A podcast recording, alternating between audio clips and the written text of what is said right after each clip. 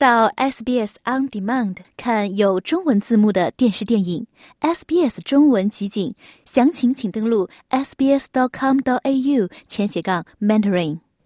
当地时间二月三日，由悉尼乔治河市政府举办的二零二四龙年庆祝嘉年华在好市围社区圆满落幕。我们在活动现场不仅看到了精彩纷呈的演出，同时在街道上还遍布着五花八门的美食和商铺，现场人山人海，很是热闹。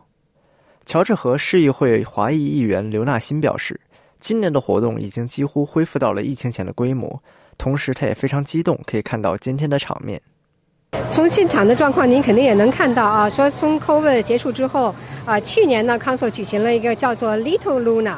但今年呢，就整个应该说是恢复到疫情之前的规模了，所以我相信我自己估计，希望今年的这个人流量能够达到四万，因为我们最最高的这个记录啊，呃，从原来的。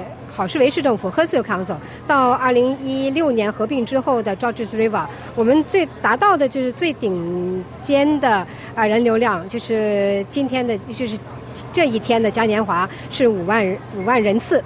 啊，我们希望今今今年能够啊啊去达到这个数字。呃，作为和所的老居民，二十多年，在十五年在康索服务这个工作，嗯，的确可以说见证了原来的呃和所康索的农历新年庆祝和合并之后的乔治河嗯农年农历新年庆祝的这么一个景象，每一年都呃都一定在现场。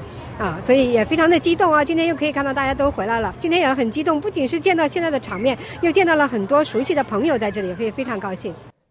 另一位乔治河市议会议员凯瑟琳·詹姆斯表示，好市维这片区域相比于他小的时候发生了许多变化，他非常喜欢现在这里的文化多元性。我认为这太了不起了。我的意思是，你也知道，好士维的澳大利亚华人人口是一直非常高的。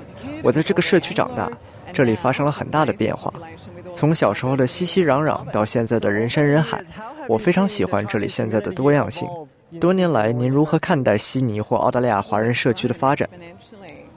当你环顾四周，很明显你可以看到很多中国特色的商铺和餐馆，他们为生活在这个社区的人们提供着服务，而且发展速度惊人。活动现场还迎来了许多来自国内五湖四海的华人同胞，他们都很喜欢这里的华人氛围，并且跟我们分享了他们今年的新年愿望。请问您是国内哪里人？上海人。啊，我是国内中国上海。我是沈阳的。我在这儿生的，可是我妈和爸从乌鲁木齐那边。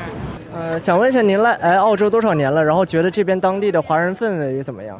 总共加起来的话，差不多有五六年的时间了。对，然后我觉得这个环境的话，我觉得还是非常的融洽的。对，氛围我看还可以，还可以，各种活动组织还蛮好。